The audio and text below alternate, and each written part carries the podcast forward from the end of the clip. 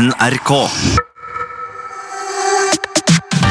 Juntafil med Tuva Fellmann. For noen år siden så var jeg på byen med en kompis. Og Det var en klassisk kveld. Det var sånn, Vi drakk øl, vi snakka med folk, gjorde sånn som vi egentlig pleier å gjøre. Utpå kvelden så begynner vi også å diskutere stripping. Litt om hvem som har vært på strippeklubber, hvordan det var og sånne ting. Og plutselig så hører jeg meg selv si Nei, men vi skal ikke dra, da. Og så skal vi dra på strippeklubb. Og jeg vet liksom ikke helt hvor det kom fra. Det var på en måte en blanding av nysgjerrighet, men det var også litt spenning der. Og kompisen min han sier egentlig ganske raskt ja, og vi drikker opp og reiser da til byens strippeklubb. Og denne klubben den ligger på en måte litt på utsiden av sentrum. Det er høyt under taket, det er rødt og blått lys, ganske mørkt egentlig. Og rundt omkring i lokalet så går det damer. Noen av de er relativt påkledd, og andre går liksom bare i trusa. Og jeg husker at jeg på en måte var sånn gira, nesten litt sånn adrenalinkick. Samtidig så var jeg også litt satt ut. Og vi satte oss ned for å ta en øl, og, og jeg husker bare at vi ler masse hele tiden. Og det var på en måte ikke av noen, vi bare lo av situasjonen. Det var litt sånn, herregud, nå er vi på strippeklubb. Og plutselig så fikk jeg også en ganske rar, nesten litt ukomfortabel følelse. For plutselig så begynte jeg å tenke tankene Hva vet jeg egentlig om disse damene? Altså, Er de tvunget til å gjøre dette? Vil de dette selv? Og er det egentlig etisk riktig av meg å betale penger for at noen skal kle av seg? Altså Bare for min underholdning? Og samtidig så er det en underholdning som jeg, er ikke helt sikker på om jeg vil ha den. Da vi gikk fra denne klubben, så satt jeg igjen egentlig med en litt sånn ambivalent følelse. Og det er den følelsen og disse tingene vi skal snakke om i dag. Du skal få treffe hun som bl.a. blant annet har jobbet for at stripping skal bli ulovlig i Norge. Og du skal få treffe hun som har som sin største drøm at folk skal kaste penger over henne. Velkommen til Juntafil. I dag skal vi diskutere om det er greit å dra på strippeklubb.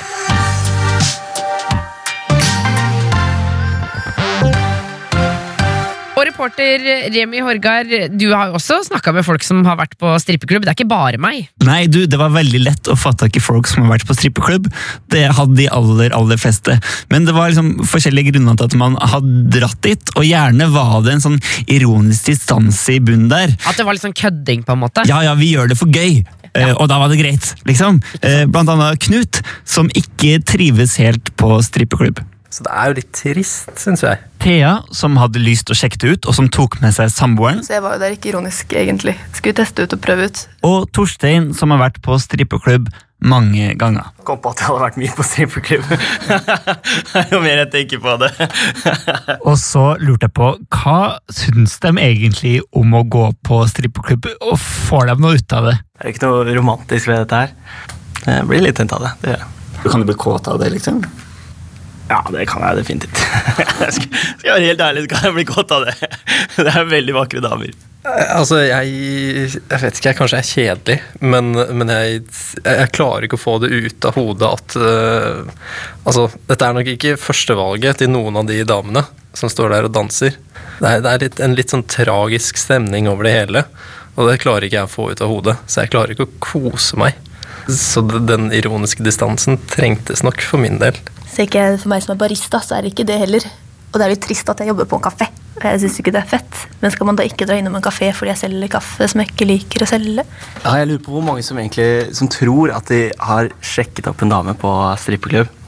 For det er, jo, det er jo gjerne det de tjener penger på. At de klarer å forføre en mann som tror at nå, her, nå skal han redde denne jenta ut av fattigdom og sexbransjen.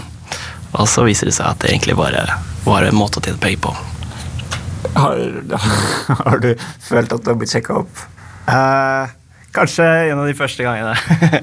første gang, sikkert den første gangen jeg var på strippeklubb. Så vil jeg tro at jeg kanskje falt litt for den. Jeg har en kompis som, eh, som, eh, som sjekka opp en stripper. Og så, og, og, og så sa hun ja, jeg jobber fram til si to eller noe sånt. da. Og så dro, hun, dro han hjem sammen med henne etterpå. Og på et senere tidspunkt så ble han fløyet til det landet for å besøke henne på hennes regning. Så jeg tror han faktisk klarte det. I dag er det gift og har barn. Dessverre. Hun hadde barn som var hos eh, dagmamma eller nattmamma eller hva man heter. Der kommer det triste aspektet. Ja. Det det Det blir annen- sørgelig med en gang. Men det blir trist med en gang man liksom må ta stilling til det. Føler jeg. Det er jo noen som trives i yrket. Så lenge man ikke tenker, så lenge man bare blir distrahert av puppene, så er det gøy. Og da kan man ha en ironisk distanse til det. Med en gang man tenker over det én gang, to ganger, så er det sånn ah, shit. Så her er det jo litt argumenter for og mot egentlig at det er greit å dra på strippeklubb. Ikke sant? Og, og jeg kjenner meg jo igjen i veldig mye her. Men, men nå er jeg også meget spent på historiene, Remi. Hvordan de på en måte, Hva de gjorde på strippeklubb. Ja, for eh, Vi kan starte med Knut, da, som havna på strippeklubb som en del av en stor vennegjeng uten å være helt forberedt på det. Vi, vi skulle ha en, en fest, en festdag. Så det var to personer som hadde planlagt alt sammen for, for resten. På et tidspunkt så ble vi dytta inn på strippeklubben her i Trondheim. Eh, Dette var klokken ett på ettermiddagen, så vi var jo helt alene. Vi hadde betalt for én én lapdance, så denne personen fikk det da på gulvet, mens alle vi andre sto rundt. De som hadde arrangert det, hadde også gøy med at eh, alle vi andre hadde fått hver vår sånn kuli. Så vi satt alle sammen rundt og satt med sugerørene våre og satt drakk kuli, mens han ene i midten fikk da en lapdance. Hun, hun kledde jo ned seg selv, men hun kledde også ned han til bokseren, siden vi var en gjeng.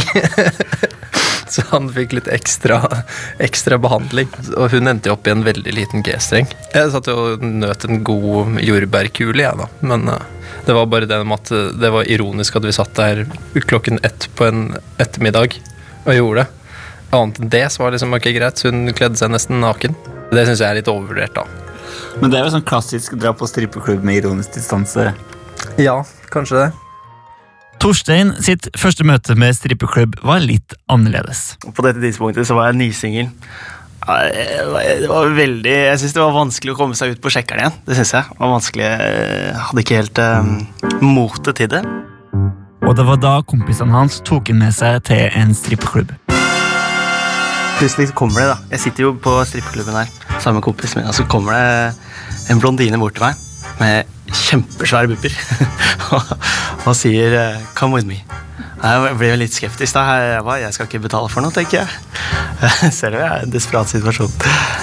Men eh, så sier jeg, sier jeg 'it's all good, come with me'. come with me. Så sier jeg, og så ser jeg bort på kompisene mine, og da skjønner jeg at de har nå betalt for en eh, private lapdance for meg.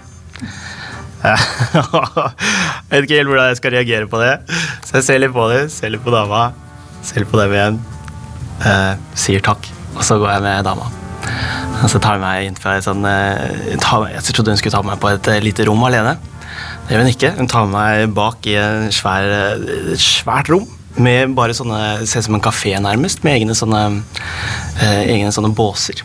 Så hvor, hvor det, er ikke noe, forheng foran eller noen ting.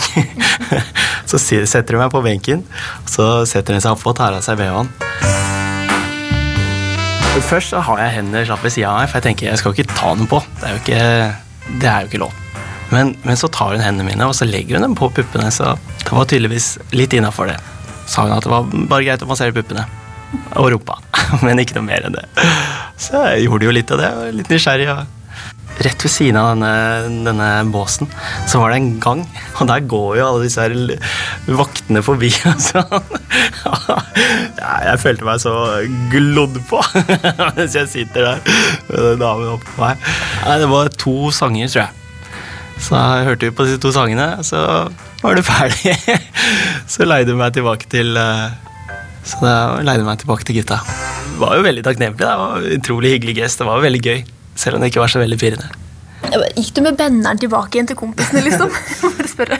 Nei, jeg fikk aldri, jeg fikk aldri ståpikk, ass. Nei, det var, liksom, det var så distraherende med disse karene som gikk forbi, og nei, bare hele situasjonen. Thea derimot, hun hadde ikke den der kompisinngangen til strippeklubbesøket sitt, men for hun så var det noe hun hadde lyst til å se, og det virka litt pirrende å dra dit med kjæresten. Men hun ble litt distrahert av alle spillereglene som hun ikke visste om på forhånd. Eh, Jeg og samboeren eh, var i Tallinn. Eh, og Jeg har alltid hatt veldig lyst til å prøve strippeklubb. Jeg Gikk inn, jeg kom inn gratis, fordi jeg er jente. Han måtte betale, da, han kjæresten. Og vi var nesten de eneste der. Og så satt vi der en halvtime da, og bare titta ut i lufta og hørte på musikk. Og så kom det en svær guttegjeng inn. Og så skjønte vi at de venter på at det kommer flere folk inn på rommet før damene begynner å danse. For her var det ikke noe sånn at de gikk rundt og hilste på oss. Da ventet de på, på en måte fullt lokale, og så kjørte de show. Men Thea fikk ikke helt så mye ut av det som hun kanskje hadde håpet på. Og så var det litt antiklimatisk, egentlig. Eh, og så når hun var ferdig, så gikk hun da innom hver eneste sofa, hver eneste gjeng som var der, og skulle da ha tips. Eh, og så kom pimpen bort, eller han ene som passer på dem, og forklarte oss reglene. Og vi var sånn shit, ok, takk. Så vi må kjøpe ting, kjøpe falske penger i baren, og så må vi gi det til hver eneste dame. Hvis ikke så får vi ikke lov til å være der. ikke sant? Fordi ja, det var tipsen da, deres. Og samboeren bytta på å få ta pengene inn i G-strengen, legge en sånn vippen inn på innsida. Det var, eh, det var spennende. Jeg følte meg litt malplassert. Eh, Alle så på meg rart, for jeg var dame. og da hadde jeg ikke kort hår heller, så da ingen kunne tenke at «Hm, kanskje hun er lesbisk. Så jeg var veldig malplassert. For du er jo bifil. Jeg er bifil. Ja, så jeg syns jo det er gøy. Ja, eh, jeg koser meg jo lite grann.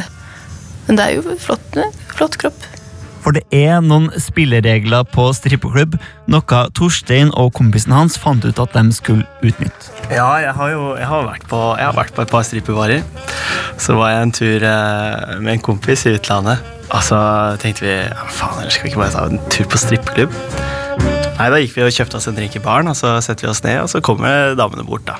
Spør om eh, å få en dans eller en drink. Jeg, de ber gjerne om en drink, da.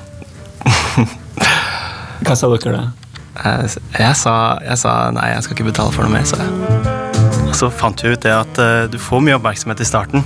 Men med mindre du bruker penger, så får du ikke noe særlig mer oppmerksomhet. Er det liksom, de vil jo bare ha penger, sant? Så vi snakket til neste strippeklubb.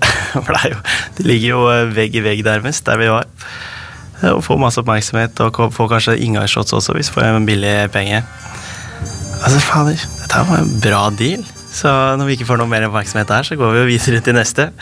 Så blir det jo nærmest en sånn eh, strippeklubb eh, hvor vi eh, drikker masse drikke og får en del oppmerksomhet i hver, og det var ganske gøy. Men det var faktisk et par plasser hvor det ble god stemning. Jeg husker, husker spesielt én plass hvor vi dansa swing med, med, med stripperne der. Det var veldig gøy.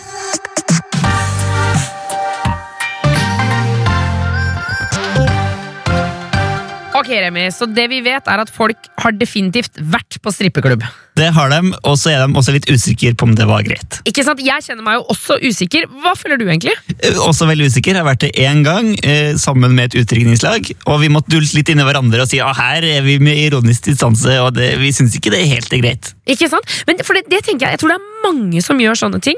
Men selv med ironisk distanse så er det jo sånn at man faktisk gir penger til klubben. Man betaler jo for et svært maskineri som går rundt og holder liksom klubbene i gang. Jeg tror Mye av liksom markedsføringa går jo egentlig mot utdrikningslag. og sånn. Det er jo dem de vil ha dit ofte. Absolutt. Så jeg har tenkt at for å prøve å finne ut om det er greit eller ikke å gå, så må vi jo snakke med de som faktisk jobber med stripping, og ikke minst jobber rundt stripping. Eh, Så en tirsdagskveld her så dro jeg og møtte en dame som gjorde seg klar for dagens arbeidsøkt, og jeg måtte jo egentlig bare begynne og spørre om hun syns det er greit at folk drar og ser på stripping. Ja, jeg synes egentlig det er ganske Jeg forstår faktisk flere menn som gjør det. Iallfall menn som drar på businessreise. Sitter på et hotellrom og liksom har egentlig ingenting å gjøre. Ferdig med arbeidsdagen. Da er det bedre å sitte på eksempel en strippeklubb der du har selskap. Det er rolige omgivelser, det er ikke for høy musikk, så du kan faktisk prate.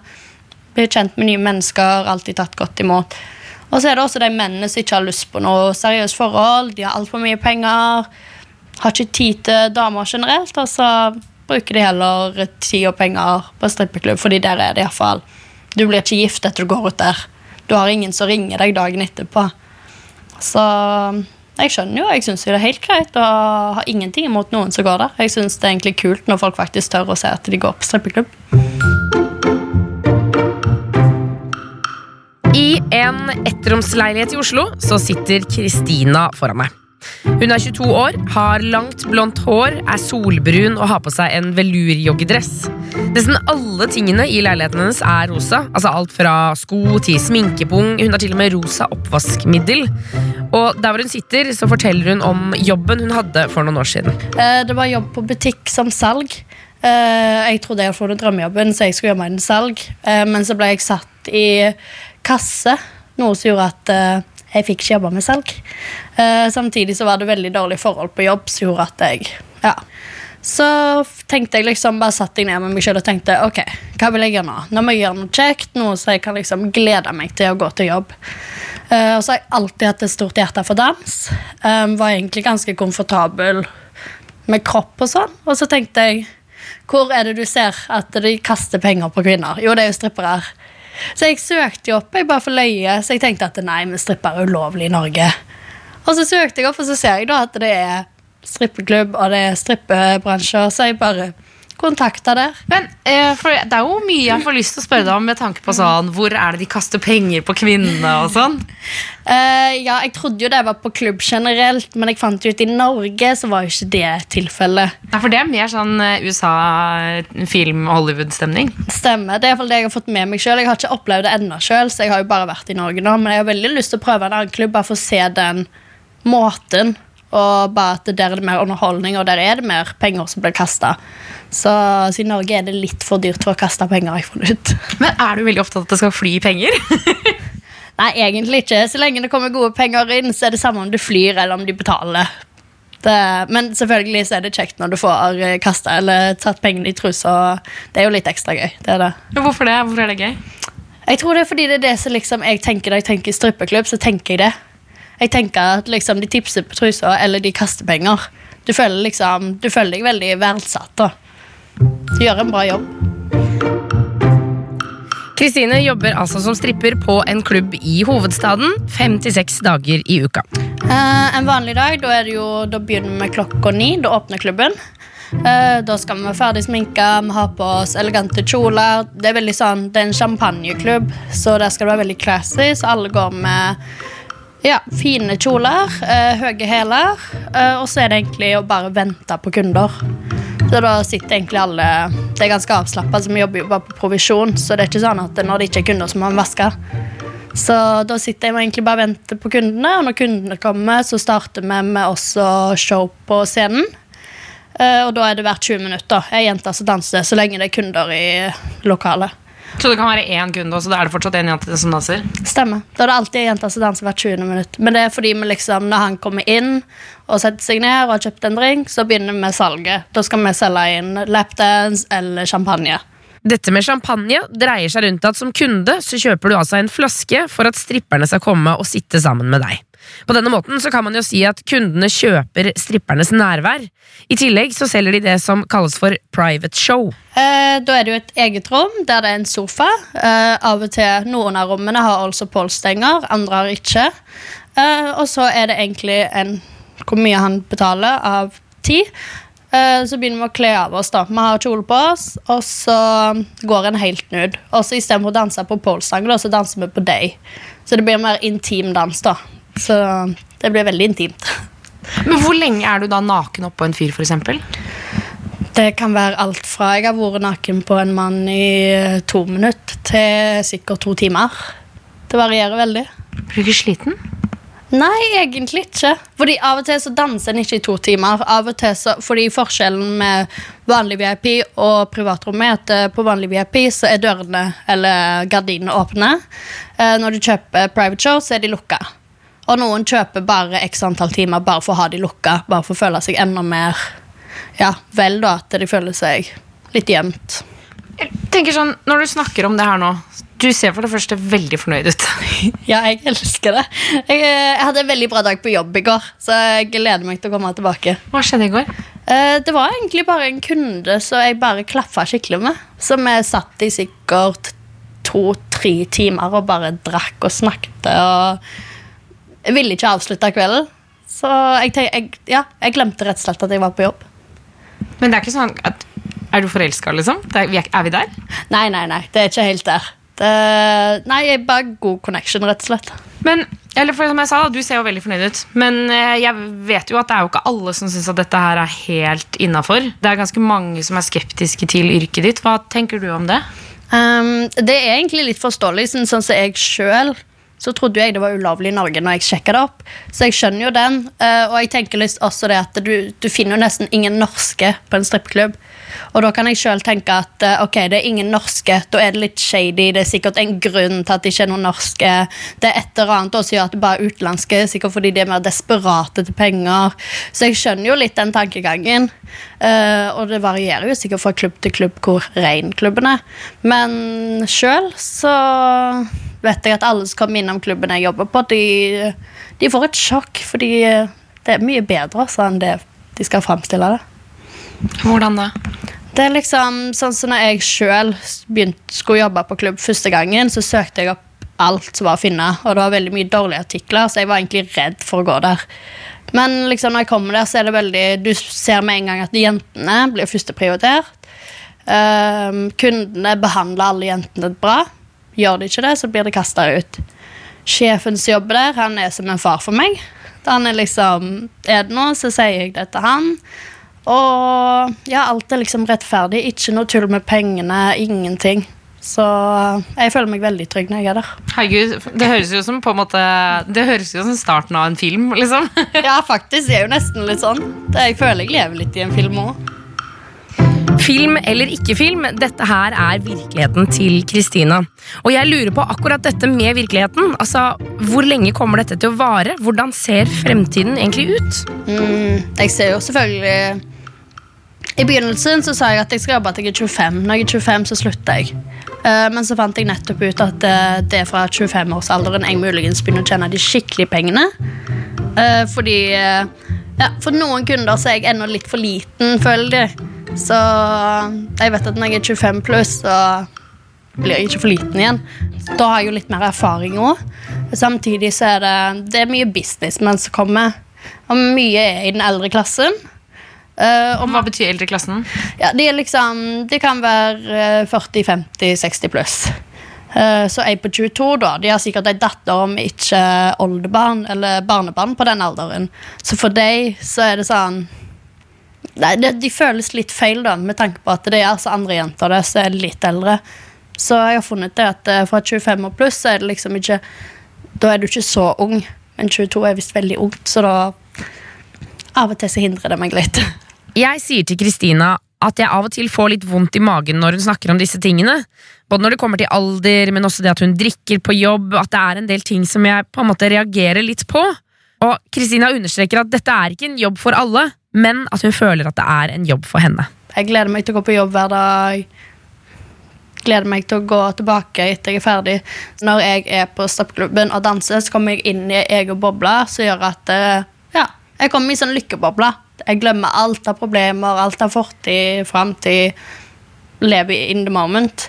Uh, samtidig så er det jo ja, atmosfæren, det at liksom, kvinnene har kontroll. Det er som er sjefen. Og du blir forguda. Vi blir behandla som dronninger hele gjengen. Du. De sitter der og sikler etter den ene etter den andre. Og så, ja, så er det jo også pengene. Uten tvil. Hadde jeg ikke vært for pengene, så hadde jeg jo ikke gjort det. Så, men jeg vet jo sjøl at jeg vil ikke være der når jeg er 40. Det, jeg vet at det, det er ikke en evighetsjobb. Du jobber en viss periode, og så finner du noe annet. Så jeg har jo allerede planlagt hva jeg skal gjøre når jeg er ferdig. Hva skal du gjøre når du er ferdig? Jeg har jo bloggen jeg holder på med å bygge opp. Eh, samtidig så har jeg litt andre planer om Jeg vet ikke helt. Bare prøve å finne noe annet å gjøre sjøl. Nå begynner jeg også på skole til høsten, så jeg vurderer å studere noe økonomi eller noe markedsføring eller noe sånt, og se hvor det går. Men eh, det er jo et eller annet med kropp og penger og salg og kjøp, nesten. Um, kan du noen gang føle på uh, kan, kan, du noen gang føle på at det, det, kan skorte litt, hvis du skjønner hva jeg mener? At det er for en eldre mann som betaler en ung jente for å danse, for å kle av seg. Uh, at han på en måte kjøper ditt nærvær, da. Ja, det, jeg vet jo at det er flere som syns det er feil. Eller liksom, De kunne ikke gjort det sjøl, og det er jo derfor det ikke er så mange i bransjen heller. Men sånn som jeg, så Jeg har jo alltid egentlig eh, blitt tiltrukken av eldre menn. Så Og jeg har også vært litt sånn Jeg syns det faktisk ja, jeg synes det er litt kult når de faktisk betaler for tida mi. Da føler jeg at tida mi er enda mer verdt. Så for meg så er det liksom ikke noe, Ja, jeg liker det faktisk. Det, jeg syns ikke det er noe feil med det. Det er nesten litt sånn at jeg tenker hvorfor betaler ikke du for tida mi i hverdagen, nesten? Det blir litt for mye. Tida mi er litt for mye verdt. Og når Kristina sier at hun vet at mange syns at dette er feil, så har hun jo helt rett. Og Vi kan jo også understreke at hun snakker selvfølgelig kun for seg selv, i motsetning til dama jeg skal treffe nå. Hei, det er Tuva Fellmann som ringer. Hei. Jeg står utenfor Stortinget. Du, Da kommer jeg og henter deg. Er det, er det den råflotte inngangen, eller er det baksiden? Det er den råflotte som er publikumsinngangen. Så gå inn der, du. For en programleder som vanligvis snakker om runking og fittesaft på radio, så føles det litt skummelt å gå inn i denne enorme bygningen. Men sånn er det jo når man skal ha tak i travle folk. Jeg er press, ja. Har du testa? Nei, det har jeg ikke. Jeg skal besøke. Du skal besøke hvem da? For på Stortinget så skal jeg møte Kirsti Bergstø. Sosialarbeider av yrke og nestleder i SV, finnmarking. Fi, ja, du slenger på finnmarking der.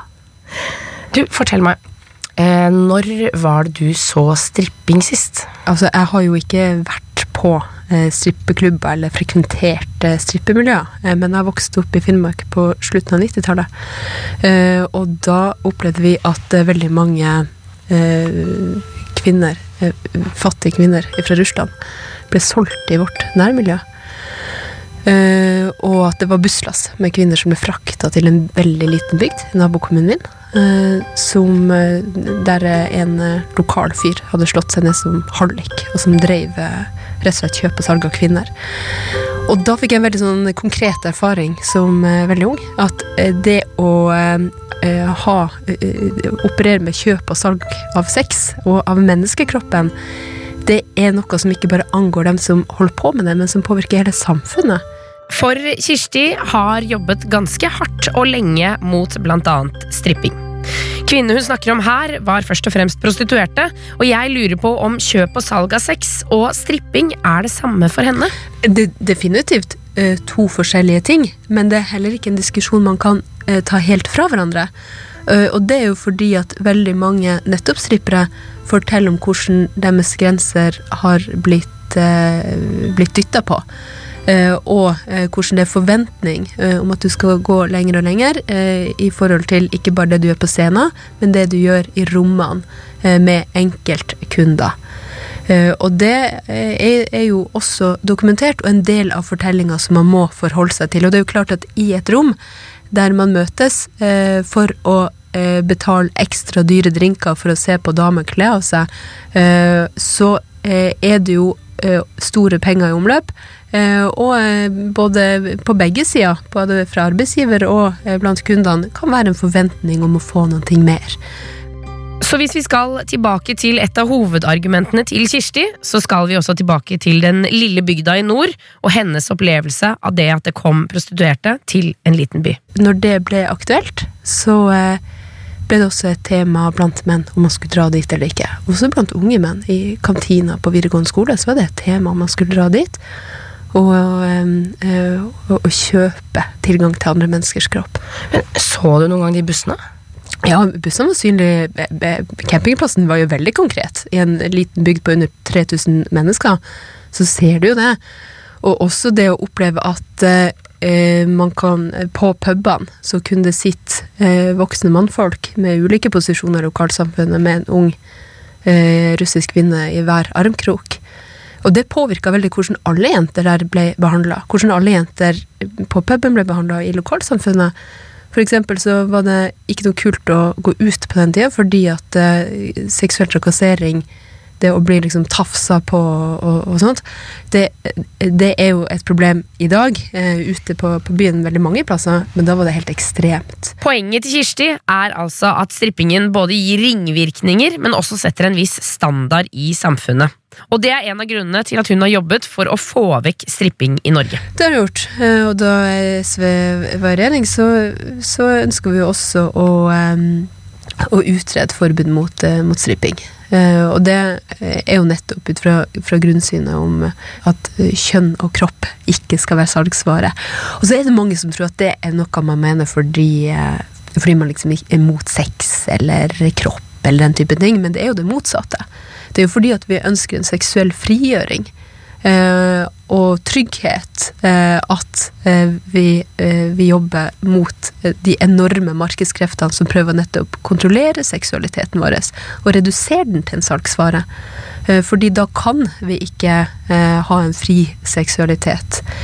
Og selv om noen sier at de, de har det kjempefint på, på strippeklubben sin, så kan man ikke vite det. Du kan ikke vite idet du kommer inn på en strippeklubb eller strippeshow om det her er noen som lever på slavekontrakter, som har ufri liv, som ikke får lov til å gå ut eh, uten eh, eh, han som har henta deg til landet sin, sin vilje, eller om det er noen som syns er toppen av sjølrealisering et år i sitt liv. Og Remi, her er vi jo inne på akkurat det som er det vanskelige. Fordi altså, Kristina hun sier jo at hun er kjempefornøyd med å strippe, men samtidig så er jo hun bare én person. Ja, Og så er det akkurat det de har lurt på, dem som jeg har snakka med. Eh, Syns dem som stripper at det er greit, eller er det ikke det? Ikke sant? Jeg traff en i gangen her som sa at vi må få inn reguleringer. Altså noe som gjør at vi kan på en måte finne ut av dette. En fair trade-ordning. En fair trade-ordning. Men før det kommer på plass, så spurte jeg også Kirsti hva hun tenker at man skal gjøre. Jeg tenker jo at alle de som, eh, som går på strippeklubb, burde jo eh, se på de damene som er der og tenke vil jeg synes det var greit at det var min kjæreste, at det var min lillesøster, at det var min mor. Og hvis du kjenner det litt i magen eh, ved noen ut av de, så, så må du stille deg spørsmålet hvorfor det. Eh, jo, mest sannsynlig fordi du ikke ville synes det var greit at de kanskje ble ropt til på den måten, at man eh, ble utsatt for det man ble utsatt for. Husk at seksuell trakassering, altså sånn uønska oppmerksomhet rundt eh, kjønn og kropp og seksualitet, har man klådd på eller kalt for, eh, for hore, eller blir eh, kledd med blikket, ikke sant? det er jo et problem i, blant, på vanlige puber og i veldig store deler av arbeidslivet. Eh, Det er jo grunn til å tro at det er helt ekstremt eh, på eh, strippeklubber. Men for min del så handler det også om arbeidsmiljø. Fordi om, om en bygningsarbeider syns at den største friheten i hans liv skulle være å gå på jobb uten hjelm og verneutstyr, så mener jeg likevel ikke at han skulle gjort det. Og om noen mener at det å strippe er det fineste de vet, så ønsker jeg likevel ikke å legge opp til et samfunn der eh, man åpner opp eh, for eh, Eller der det er fritt frem eh, med kjøp og salg av kvinnekroppen, og der kvinner er eh, underholdning og salgsvare. Og her ligger det kanskje noe. For jeg vet jo at mange både drar på stripping, men også leier inn strippere for underholdningens skyld. Altså Ikke fordi at de blir kåte, vil nødvendigvis se så veldig mye nakne kropper eller vil ha sex. Det er rett og slett bare for moro skyld. Blir det da annerledes for SV-politikeren? Jeg syns det er feil å bestille strippere til eh, 30-årsdager eller til eh, utdrikningslager eller, eller hva det skal være. Men, men poenget er jo ikke å liksom moralisere over alle som gjør det, men å øh, si at at eh, hva man tillater, hva man legger opp til at folk skal, skal leve av, og hva legges opp til at vi skal kjøpe? Eh, skal vi kjøpe folk eh, som underholdning, eh, altså seksualitet som underholdning? Eh, det, er jo, eh, det er jo et spørsmål hvordan vi vil se på hverandre, om, om hvilket samfunn vi, vi, vi skal ha. Kirsti legger også til at hun ikke har lyst til å legge tvil på at enkeltpersoner kan like å strippe eller være fornøyd med situasjonen sin, men at det er det store bildet som blir avgjørende. Og det er jo dette som er så vanskelig, både med stripping og f.eks. porno. At den store industrien virker jo til tider helt grusom. Men på den andre siden, hvis vi går tilbake til Kristina i leiligheten i Oslo, så er stemningen ganske så avslappa. Hva skal du kjøpe og spise på veien av? Sushi. Eh, alle jentene på jobb kjøper det i det siste.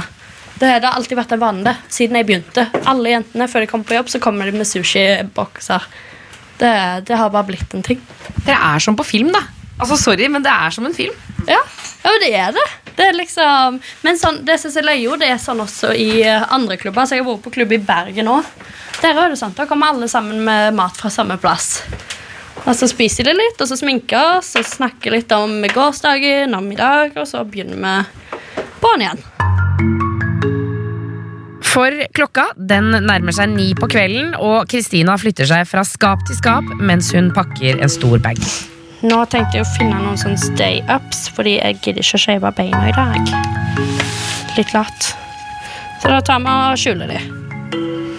Ja, for hvordan Hårpakka, den, eh, hvordan stiller den seg på strippeklubb? Det er liksom Menn generelt bryr seg veldig lite. Men jeg hadde en periode der jeg ikke hadde shava. Eh, Det var første gang, og så tenkte jeg vet du, ja, nei, de driter jo i det. Hadde et private show. Akkurat han skulle ta meg veldig på leggen. Første han kommenterer, ah, du har ikke shava. Etter det, aldri igjen. Hater sånne kommentarer. Så jeg liker egentlig å være helt glattbarbert.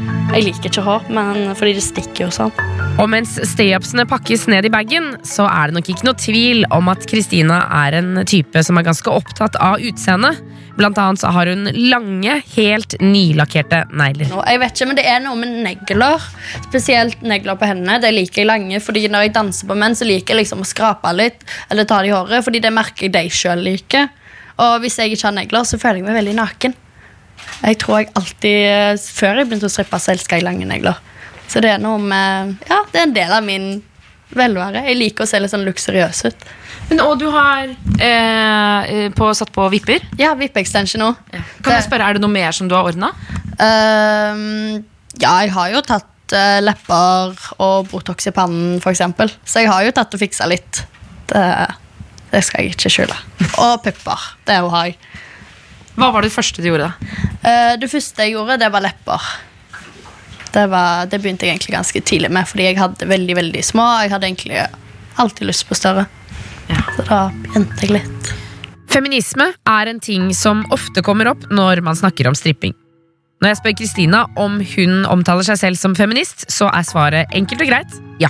Jeg tenker litt at feminist, så tenker jeg mer sånn at uh, de, de sier jo det kvinner skal bestemme over egen kropp. De er veldig på det, iallfall med den abortloven.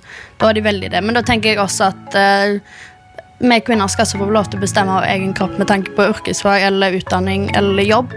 Det er jo, jeg vet jo 100% sjøl nå som norsk at uh, du bestemmer sjøl om du går på den strippklubben og jobber.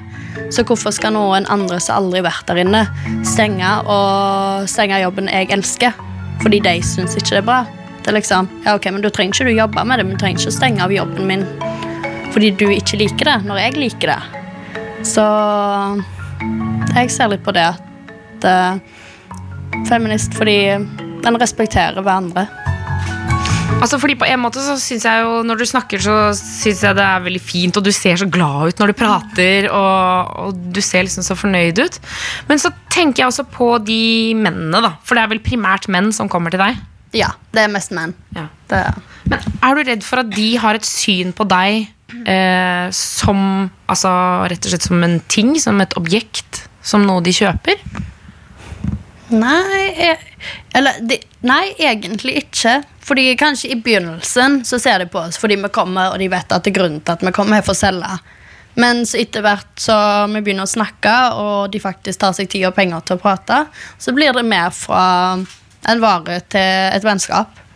Så men vi sitter jo der i to-tre timer, vi snakker om alt og ingenting. Og av og til så får jeg vite hemmeligheter om de så de ikke forteller til noen andre, fordi de kjenner ikke meg. Og jeg dømmer dem liksom ikke, for jeg har ikke noen annen side av saken deres. Så det er mange som åpner seg. Det Men selv om du ender som et vennskap, så begynner du som en vare, da. Ja, en gjør jo det. det er, og det er da en må selge seg inn. Det er mange flotte jenter i klubben, så da er det om å gjøre å ha personligheten i tillegg, og faktisk ha noe å snakke om. Være interessant. Eh, når vi snakker om eh, stripping, så er det en del som knytter det opp mot prostitusjon. I hvilken grad eh, henger de tingene sammen? Egentlig ingen grad. Det er to helt vidt forskjellige veier. Det, fordi det er liksom den, den klubben som jeg jobber på, det er så strengt at hvis jentene hadde gått imot regelen og gjort noe seksuelt med en kunde på et privatrom, så hadde du mista jobben på sekundet. Eh, og menn spør jo hytte pine om ekstravarer, om ting etter jobb og det ene andre, og alle sier nei. Så Så folk prøver seg. Å ja da. Menn prøver, og de prøver virkelig jo. Men hva, fortell, Har du et eksempel på noen som har prøvd seg skikkelig? Ja, det er jo menn som liksom veldig sånn Ja, men kan vi møtes etterpå? Jeg betaler enda mer hvis vi møtes utenfor. Da får du alt cash. Da er det ingenting til klubben. Og Men det, det funker ikke. Ja, for det, det er nei fra deg. Ja. Det er enten på jobb eller ingenting. Det er Nei, jeg er ikke interessert i noe sånt. Det, så lenge det ikke er seksuelt, så syns jeg det er greit. Jeg vil ikke rote meg opp i noe som kan gi meg kjønnssykdommer det ene andre, og faktisk gjøre jobben min skitten. Det, fordi så lenge jeg er der, så er det bare underholdning, kunst og dans. Ingenting seksuelt. I hvilken grad tenker du at det er sjanse for at du angrer på det du gjør nå? Null prosent sjanse. Null prosent! Ja. Det er ingen sjanse. Nei. Det, men jeg har egentlig alltid vært sånn. Jeg har gjort mye tull i, liksom, før. Og jeg har alltid vært sånn at eh, hvis jeg vil det der og da, og jeg er sånn, hvis jeg vil det, så har jeg skikkelig gått inn for å Er dette bra? Så er det liksom Da tenker jeg når jeg tenker tilbake på de valgene, så tenker jeg ok, men jeg ville det da. Ok, av og til, Jeg har kanskje lært, men jeg angrer aldri. Så lenge jeg vil det der og da, så er det ingen anger. Fader, det er beinhardt, ass. Ja, ja men det er liksom Hvorfor skal jeg angre meg når jeg gleder meg hver dag til jobb og bare lever livet? Jeg klager ikke, jeg.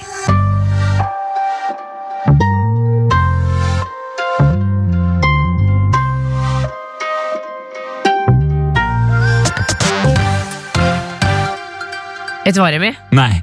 Jeg syns fortsatt det er ganske vanskelig. Ja. Det er litt vanskelig, for du vet liksom ikke helt hvem du møter på strippeklubben. Om det er sånn som er som Kristina, eller om det er noen andre type. Og så tror jeg, etter at jeg har snakket så mye om det nå, så tror jeg også de gangene jeg har vært på strippeklubb, jeg tror også det var nok for meg. Jeg. Ja. Har jeg på en måte gjort det, og nå føler jeg meg egentlig litt ferdig med det. Juntafil. Send inn spørsmål på juntafil.no.